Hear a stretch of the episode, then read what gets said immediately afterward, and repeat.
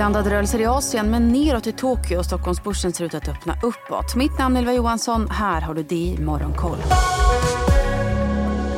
Ja, Tokyobörsen backar närmare 1 idag. Samtidigt så har den japanska tioårsräntan stigit runt 10 punkter och yenen stärks efter att centralbankschefen Kazuo Ueda i samband med räntebeskedet igår påpekat att prisprognoserna i landet fortsätter att stiga vilket ökat marknadens förväntningar på en räntehöjning i april från 44% i förra veckan till 58% Samtidigt visar ny data att den japanska exporten steg mer än väntat i december och att utrikeshandeln genererade ett överskott på 62 miljarder yen. Inköpsindexet den japanska tillverkningsindustrin kom däremot in något lägre än väntat på 48,0 i december vilket ju också fortsatt är under tillväxtgränsen. Tillväxten i tjänstesektorn fortsätter dock att stiga enligt preliminära siffror. I Fastlandskina stiger Shanghai-börsen en halv procent och Shenzhen-börsen är ner 1,5 procent. Enligt uppgifter till Reuters ska kinesiska tillsynsmyndigheter ha bett hedgefondförvaltare att begränsa blankningen i ännu ett försök att stabilisera marknaderna. Hongkongbörsen stiger däremot 1,5 procent idag lyft av Alibaba som stiger 4% efter uppgifterna om att grundaren Jack Ma köpt aktier i e-handelsjätten för 50 miljoner dollar i det fjärde kvartalet. Det var ganska försiktiga rörelser på Wall Street igår. Bredasbyvarnet fortsatte svagt upp och nådde återigen en ny rekordnivå och teknik och Nasdaq steg nästan en halv procent samtidigt som rapporterna fortsatte att vara i fokus.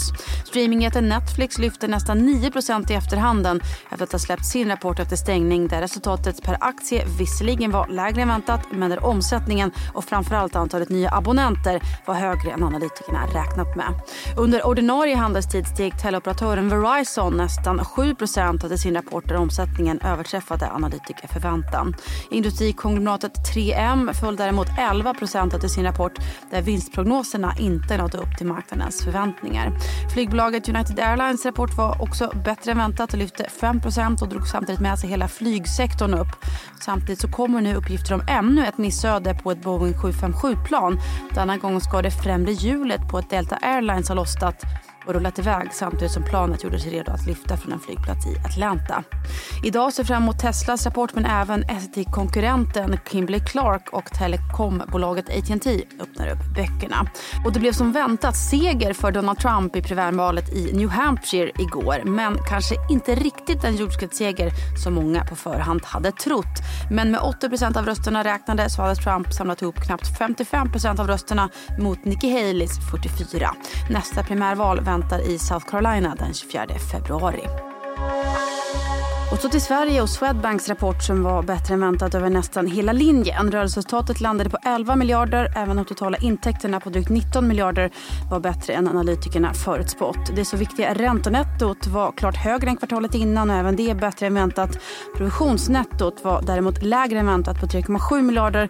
Utdelningen är inte heller lika hög som väntat men landar ändå på 15,15 kronor per aktie vilket är en höjning med hela 55 procent. Ni har en intervju med vd Jens Henriksson i Börsmorgon 8.45. Vi gör även en intervju med gruvprospekteringsbolaget Epiroc om deras rapport under dagen.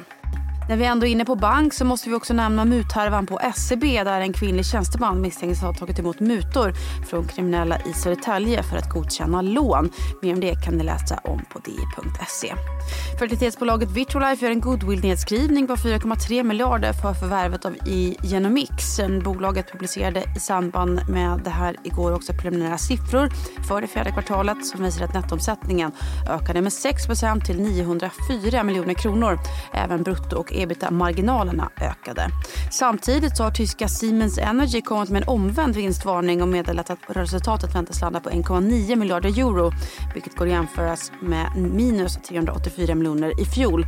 Omsättningen ökade samtidigt med drygt 8% Och SAS har lämnat finansiella prognoser med anledning av sin Chapter 11-process. Flygbolaget väntar sig att intäkterna kommer att överstiga 48 miljarder kronor. Sist måste vi också nämna att igår så röstade ju också Turkiets parlament slutligen ja till Sveriges NATO-ansökan. Nu så återstår bara att presidenten Recep Tayyip Erdogan ska ratificera ansökan. Och sen ska ju såklart också Ungern godkänna att Sverige går med i NATO. Mitt namn är Ylva Johansson. Du har lyssnat på det Morgonkoll.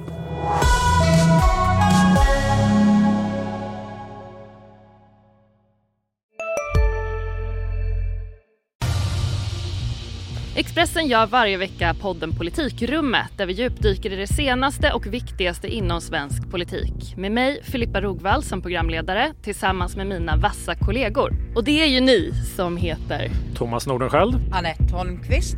Och Viktor Bartkron. Politikrummet kommer med ett nytt avsnitt varje tisdag. Vi hörs. Hej, Ulf Kristersson här. På många sätt är det en mörk tid vi lever i. Men nu tar vi ett stort steg för att göra Sverige till en tryggare och säkrare plats. Sverige är nu medlem i Nato. En för alla, alla för en.